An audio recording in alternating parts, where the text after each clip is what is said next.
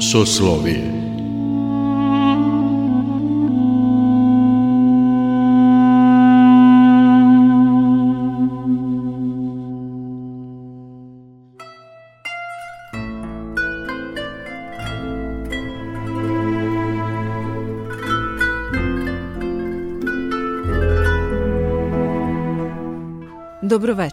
Slušate Soslovije, religijski nedeljnik Radio Novog Sada. Ja sam Mirjana Ranković. Svim pravoslavnim hrišćanima želimo blagosloven početak Velikog posta koji počinje sutra. Post ovaj naziva se velikim zbog posebne važnosti i zbog svoje dužine.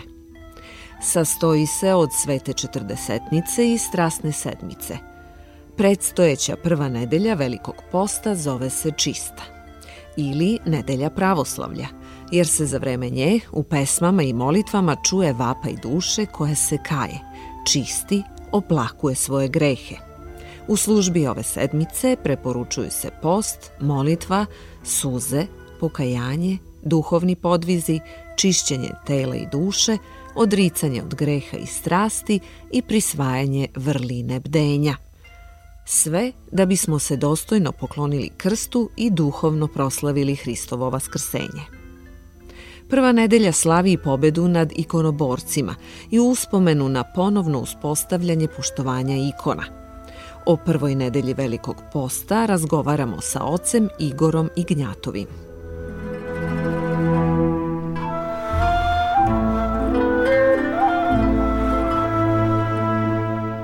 Zbog čega je ova prva nedelja nazvana čista nedelja? Post svaki, a posebno veliki, sveti, časni post koji nas uvodi u tajnu radosti Vaskrsenja Hristova, je vreme kada živimo i kada se trudimo da intenziviramo naš duhovni život, naš molitveni život, kada se trudimo da se pogruzimo u pokajanje, kako bismo u sebi vaspostali prvobitni lik Boži koji je narušen grehom i strastima koji žive u svakom čoveku i od kojih se svi mi ljudi trudimo da se oslobodimo. Posebno je veoma značajno to što je u prvu nedelju posta, koju nazivamo nedeljom čista, označen veoma strogi post, dakle prva dva dana se čak ništa i po pravilu ne jede, ko može da izdrži do prve pređosvećene liturgije, a i ostali dani su određeni strogim suhojedenjem za one koji su naravno zdravi. I u tom vremenu e, povezano je jedan narodni običaj zašto se zove čista nedelja? Zato što se toga dana sem duše i tela čistilo i ono što je u kući ostalo što je što je predstavljalo period mrsa. Dakle prali su se sve pravili su se svi sudovi da bi se pokazalo kako sada ne, ne želimo ni, ni jednim naravno tu, tu ima malo i formalizma, ni jednim delom svoga bića da se umr, omrsimo, ali svakako to može da označava i simbolički značaj da mi iznuta treba neprestano od, u sebi da čistimo prosto ono što ne valja u nama i da se čistimo od zla i greha koji carstvuju u nama i koje smo mi pro, pro, proglasili za drugi deo svoga bića. Zato se zove ta nedelja čista, ona, to je narodni naziv inače, a druga se zove pačist, krsta, treća je krstopoklona, e, četvrta je sredoposna, peta je gluvna, i šesta je naravno cvetna. Cvetna i, i strašna ili strasna. Da, strasna. Nije strašna, strasna više zato što strast označava stradanje i upućuje nas na stradanje Hristovo. Dakle, toga u poslednjoj nedeli posta opet koje je po strogosti slična prvoj, tada se molitveno, duhovno i telesno pogružavamo u događaj hođenja Hristovog na Golgotu, koji postaje naravno i deo našega života, simbolički i mi učestvujemo u tom uzlaženju na Golgotu i mi doživljavamo i svoje vrstno sobstveno raspeće i smrt da bismo sa Hristom i vaskrsli prvu nedelju posta zovemo i nedeljom pravoslavlja.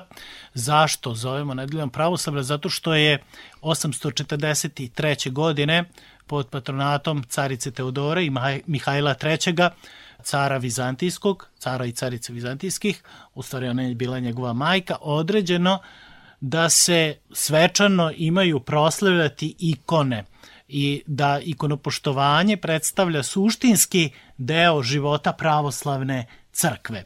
To je predstavljao kraj jedne 120-godišnje borbe koja je počela napadom cara Lava III. i Savrijanca 726. godine na one koji su poštovali ikone i na pokušaj, to se zove period ikonoborstva ili ikonolomstva, tačnije zato što ikonoborci mogu da budu i oni koji se bore za ikone, a ne mora da znači da se bore i protiv. Dakle, najpravilnije da kažemo da su to bili ikonolomci koji su iz određenih naravno svojih uverenja ideoloških i pogrešnih bogoslovskih postavki pokušavali da unište trag poštovanja ikona u crkvi Hristova. I taj prvi period ikonolomstva, ikonoborstva traje od, je od 726. godine do 780. godine do vremena carice Irine, da bi bio krunisan 787. godine sedmim Vaseljenskim saborom. Međutim, 815. godine pod zaštitom Lava Petoga Jermenina, cara Vizantijskog, ponovo je počelo gonjenje ikona i ono se završa, završilo, kao što smo i rekli, 843. godine.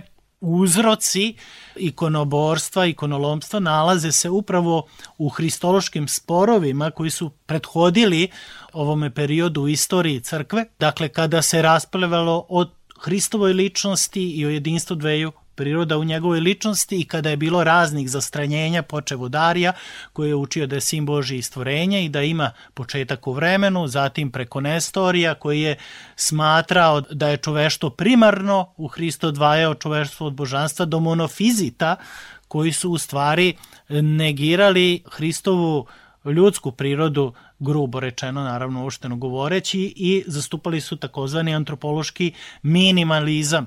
Naravno, svi ti pogrešni stavovi o Hristovoj ličnosti imaju uticaje na život crkve i na život svakoga pojedinog člana, člana tela Hristovog, zato što se u crkvi kao telu Hristovom mi spasavamo i od toga kako verujemo zavisi i naše spasenje, naravno to ćemo kasnije i da objasnimo. Dakle, prema učenju e, i prema stavima velikih pravoslavnih teologa, kao što je protere Georgije Florovski, ikonoborstvo je direktni nastavak monofizitskih sporova u kome se sve ono što je ljudsko i materijalno negiralo. Naime, oni koji su bili protiv poštovanja ikona su optuživali one koji su poštovali ikone, da su oni oni koji se klanjaju idolima. Dakle, da od ikona prave idole. Oni su to u poštovanju ikona videli idolopoklonstvo. I sada je trebalo argumentima razuveriti njih, mada su imali podršku careva, ali je u velikoj velikom delu tu borbu izvojelo monaštvo. I da, najveća predstavnika borbe za poštovanje ikona Sveti Jovan Damaskin u prvom periodu ikonoborstva i prepodobni Teodor Studit bili su iz redova monaštva. S tim što je interesantno da je Sveti Jovan Damaskin živeo na muslimanskoj teritoriji i imao je šire, šire mogućnosti da e, se bori za poštovanje ikona, naravno to, ta borba bila je borba rečju i delom, u smislu da mada je ponekad prelazi, prelazila i u fizičke sukobe, e, koga interesuje istoriju crkvu može, može izučiti da vidi u kom pravcu se kretala ta borba, jer je to bila na kraju izrastao i u politički sukob. Teodor Studit je mnogo postradao i njegovo obratstvo u manastiru Studijanu u Carigradu upravo zbog toga što su bili izloženi najgorim vrstama represalija za poštovanje ikona. Zašto je toliko uh, bilo ukorenjeno u pravoslavnoj crkvi? Zašto je pobeda nad poštovanjem ikona proglašena i identifikovana sa pobedom pravoslavlja? Zašto ikonopoštovanje identifikovano sa pravoslavljem. Najpre, što se tiče optužbi za idololatriju, odnosno za idolopoklonstvo, tu možemo da kažemo da su sveti oci koji su branili poštovanje ikona vrlo lepo objasnili da mi poštovanje ne odajemo drvetu i bojama, nego odajemo liku na koji je na njemu naslika, na koji je predstavljen. Dakle, po rečima svetoga Vasilija Velikoga, mi poštovanje koje odajemo, to poštovanje prelazi na prvo lik. Dakle, prelazi na ličnost koja je na njoj predstavljena. Ne klanjamo se, kažem, bojama i drvetu, nego se klanjamo ličnosti koja je na njoj predstavljena. I naravno, postoji razlika, Sveti Jovan Damaskin je napravio razliku između poštovanja ikona i između bogosluženja koje se uznosi jedino Bogu. Jer vi imate, posebno je to nekako prisutno u Ruskoj pravoslavnoj crkvi da oni imaju recimo ikone čudotvorne bogorodice, Smolenska, brzopomoćnica i razne ikone. Kod nas postoji, najpoznatije su, ima ih mnogo, naravno ima ih e, recimo najpoznatija je presveta Trojručica Hilandarska, Mlekopitateljica, Pećka Krasnica, Lepavinska, Velikoremecka, ima ih veoma mnogo, ali mi kada poštujemo spomen tih ikona mi u stvari intenziviramo poštovanje koje ukazujemo presvetoj bogorodici i njenom zastupništvo za nas. Dakle, ne poštujemo čak ni, ni te ikone kao ikone. Kada se sećamo spomena tih ikona, sećamo se čuda koje su učinjena upravo kroz te ikone. Dakle, ne postoji nikakvo, nikakvog osnova da se hrišćani optuže za idolopoklonstvo. Zašto? Zato što je u starom zavetu bilo predstavljanje zabranjeno u drugom Božjem zapovesti, ne pravi sebi lika, niti kakva je rezana lika, nemoj se klanjati, niti im služiti. Dakle, to je apsolutno zabranjeno u starom zavetu i mi predstava iz starog zaveta nemamo. Sem kočega zaveta, interesantno, za koji gospod naređuje da se na njemu naprave heruvimi. Dakle, to je izuzetak. Sa druge strane, osnov za slikanje i za predstavljanje Hrista, Bogorodice i Svetitelja jeste upravo u tome što se Hristos vaplotio i postao je čovek, preuzeo je na sebe ljudsku prirodu i kao takav može se predstavljati. U Evanđelju po Jovanu čitamo da Boga niko nikada nije video, ali malo kasnije u istoj glavi čitamo, ali jedinorodni sin koji je u naručju očevom, on ga objavi. I upravo imajući u vidu tajnu Hristovu, mi imamo osnova za poklonjenje ikonama koje ima i svoju katihetičku namenu. Dakle, govorili su mnogi svetitelji da su ikone knjiga za nepismene. Vi kad uđete u hram, vi sa svih strana na ikonostasu, na, na nalonjima, odnosno na tim postavkama na kojima su postavljene ikone, na zidovima postoji freske koje su predstavljene. Dakle, svugde postoje ikone koje nas upućuju tajnu Hristovu i predstavljaju našu veru. Naša vera se vidi kroz ikone i tako su govorili sveti oci da mi kada pagane hoćemo da upoznamo sa našom verom, mi treba samo da im pokažemo naše ikone. Kroz ikonu naravno isijava i netvarna svetlost, božanska energija nas kroz njih prosto dodiruje i dotiče se naših duša. I treće, ono što je najvažnije i što smo napomenuli, dakle da Hristovo vaploćenje daje nama osnovu za poštovanje ikona. Postojala je u crkvi uvek jedan deo e, njenih učenih članova koji su zastranili od prvih dana, koji su se gnušali materije i materijalnoga i koji su bili svojevrsni puritanci ili, ili čistunci kojima sve ono što je materijalno bilo strano. Dakle, i samim tim ikone ne mogu da uđu u taj kompendijum, u, taj, u tu riznicu crkvenog života. Međutim, Hristos je preuzeo na sebe ljudsku prirodu. Preuzeo je na sebe u celosti bez greha ali je upravo kroz materiju on nama dao mogućnost da se spasemo. Zašto smo materijalna bića i mi se bez materije ne možemo spasti. I on je postao materija za nas. On je postao telo Znači, preuzeo je na sebe čitavu ljudsku prirodu sa svim njenim neporočnim strastima. On je bio gladan, on je bio žedan, on je, on je morao da spava, morao je da da svom telu sna da bi se odmorio. On je bio tužan, on je bio radostan. Naravno, kažem, uvek se ograđujući da on greha nije u svemu tome učinio. Naše strasti su grehovne i upravo je naš cilj da postignemo te neporočne strasti koje je Hristos imao. I u krajnjoj liniji Hristos nam daje kroz pričešće telom i krvom njegovim koje nam predstavlja u vidu hleba i vina kroz materiju spasenje. Ta materija se gospodu Bogu uznosi od svega onoga što je osnovna hrana ljudska, ali naravno obrađena čovekovim trudom, ne prinosimo Bogu sirovine, dakle, kroz to, to se uznosi Bogu i osvećuje se i postaje telo Hristovo, vraća nam se kao večni život. I kao takav, ikona jeste simbol koji nas vezuje sa večnom realnošću.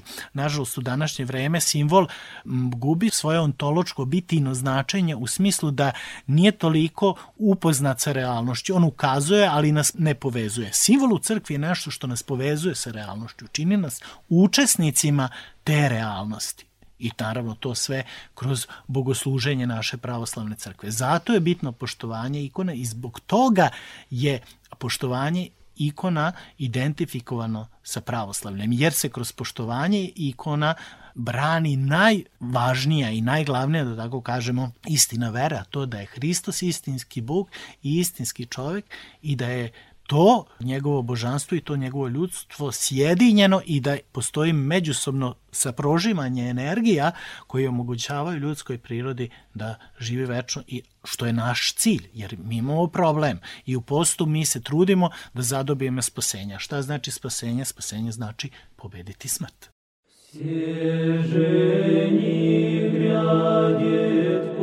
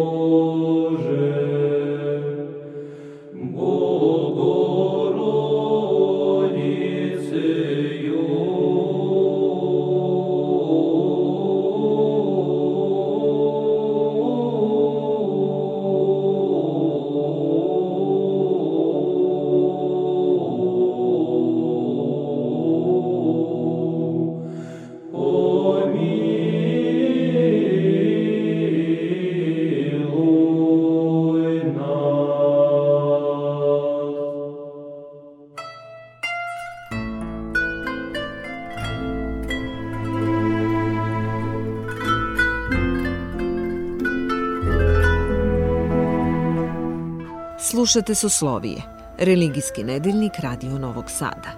O prvoj nedelji Velikog posta razgovaramo sa ocem Igorom Ignjatovim.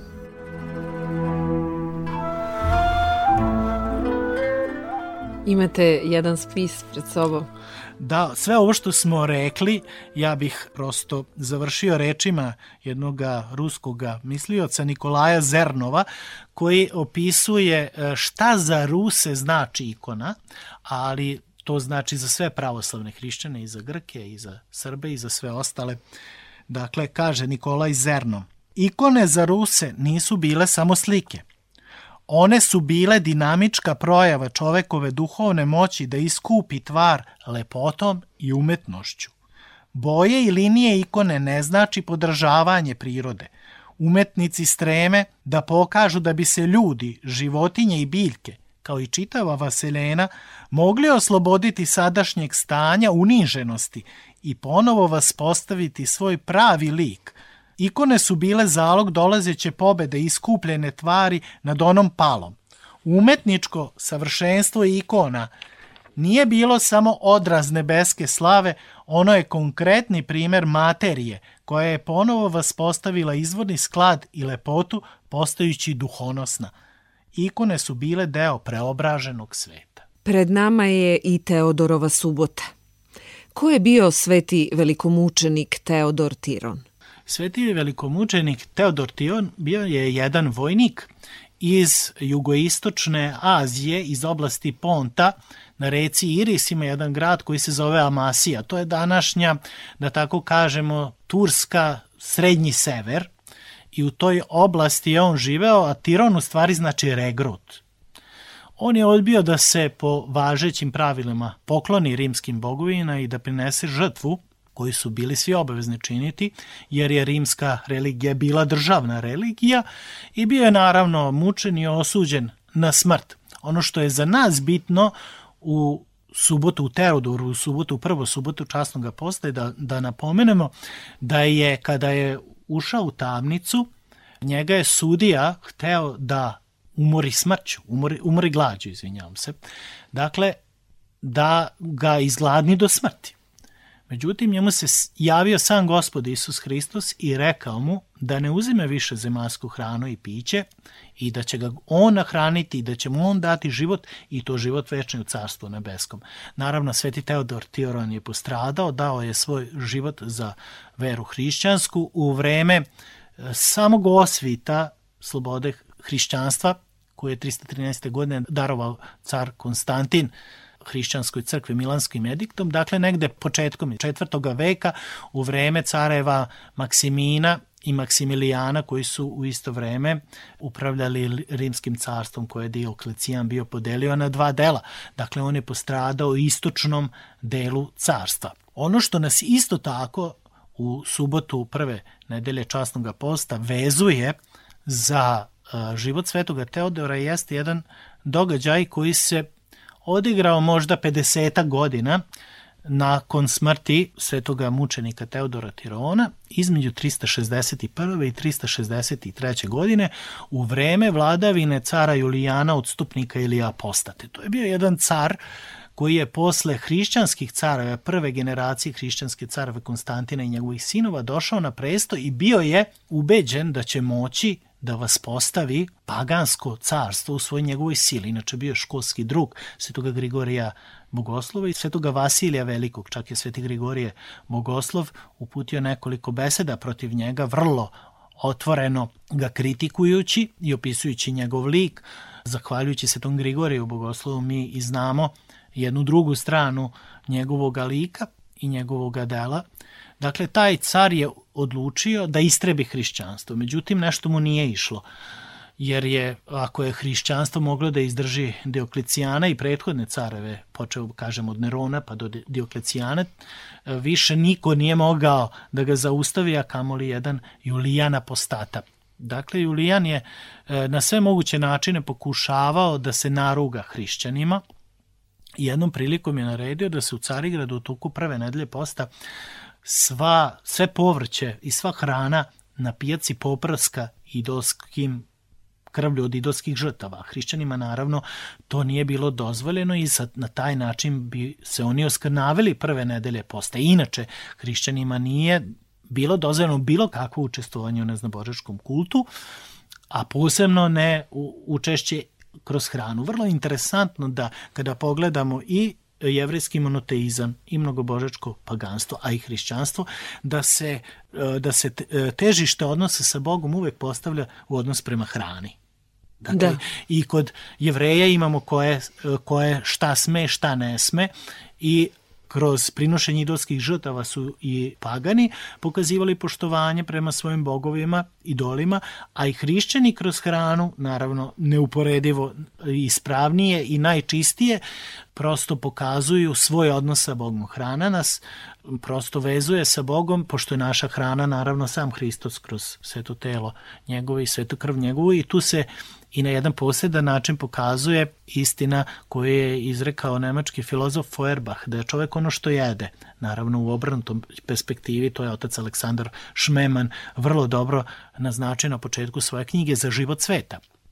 Dakle, Julijan Apostata je poprskao na tržištu Dakle, sve što je moglo da se kupuje, sve je bilo poprskano idolskom krvlju. Međutim, Sveti Teodor Tiron, ovo se se odigrava naravno u Carigradu, Sveti Teodor Tiron se javlja carigradskom arhijepiskopu Evdoksiju i kaže mu da kaže svoje pasti, svojim hrišćanima, da ne koriste ništa sa tržišta.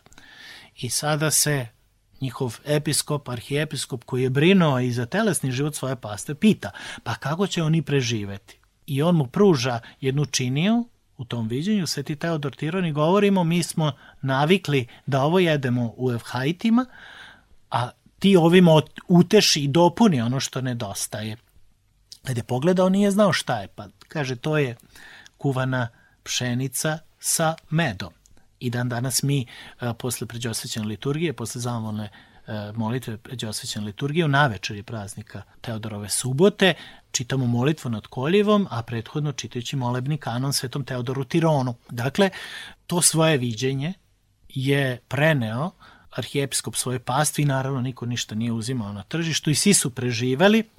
I ovo je ostalo kao jedan spomen, vrlo bitan u pravoslavnoj crkvi koji nam govori o tome da hrana, iako jeste na neki način i u prvom pogledu, na prvi pogled, pretpostavka za naš biološki život, mi verujemo pravoslavni hrišćani da naš život ne zavisi od hrane biološke, nego da hranu biološku, kao i sam život biološki, daje Bog. Dakle, od njega zavisi u krajnjoj liniji. I zato, uzdržavajući se od određene vrste hrane, i nekad su hrišćani bili vrlo spremni i veliki podvežnici, ima ih i danas, danas nepoznatih, oni uopšte ne ukušavaju hranu nekoliko, po nekoliko dana.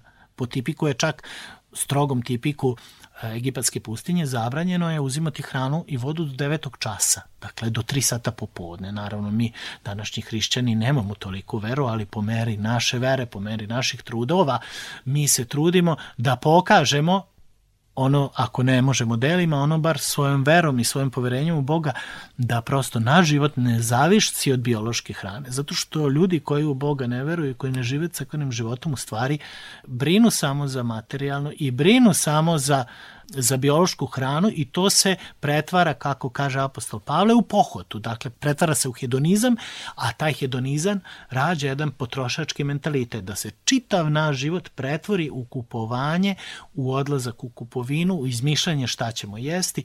Dakle, najvažnija stvar koja se tiče posta je o tome da ne brinemo šta ćemo jesti. Da jedemo ono što se nađe, ono što ima, da e, spremanje hrane ne bude teret i da trošenje hrane ne bude teret nikome, a od onog što ostane, od onog što uštedimo, onda ćemo dati onima koji nemaju da pojedu ništa.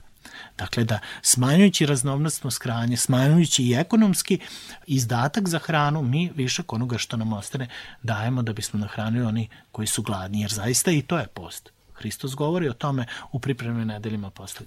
Kada smo nagladili, nahranili gladnog, kad smo napojili žednog, kada smo odenuli nagog, kada smo postili bolesnog ili onoga koji je u tamici. A naš post treba da bude jedno duhovno stanje u kojoj opet u nedelju pred početak posta siropusno evanđelje nam govori da jednostavno ne treba da budemo natmurena lica, nego da budemo radosni u našem postu, jer post je istinski način života, upravo vezano s ovim što smo pomenuli, dakle da biološka hrana i biologija nas ne određuje, iako je neophodna, ne negiramo je kao ikonoborci, dakle ne negiramo taj materijalni moment, ali kao isto vreme ne činimo ni osnovnom okosnicom našega života, nego je naš osnovna okosnica našega života, naša zajednica sa Bogom u koju ulazi ta materija.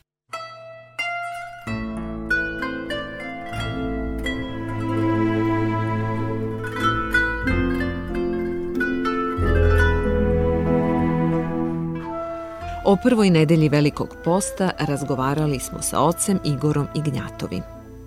Soslovije realizovali tonmajstor Sabina Nedić, urednica emisije Mirjana Ranković. Angelski ja.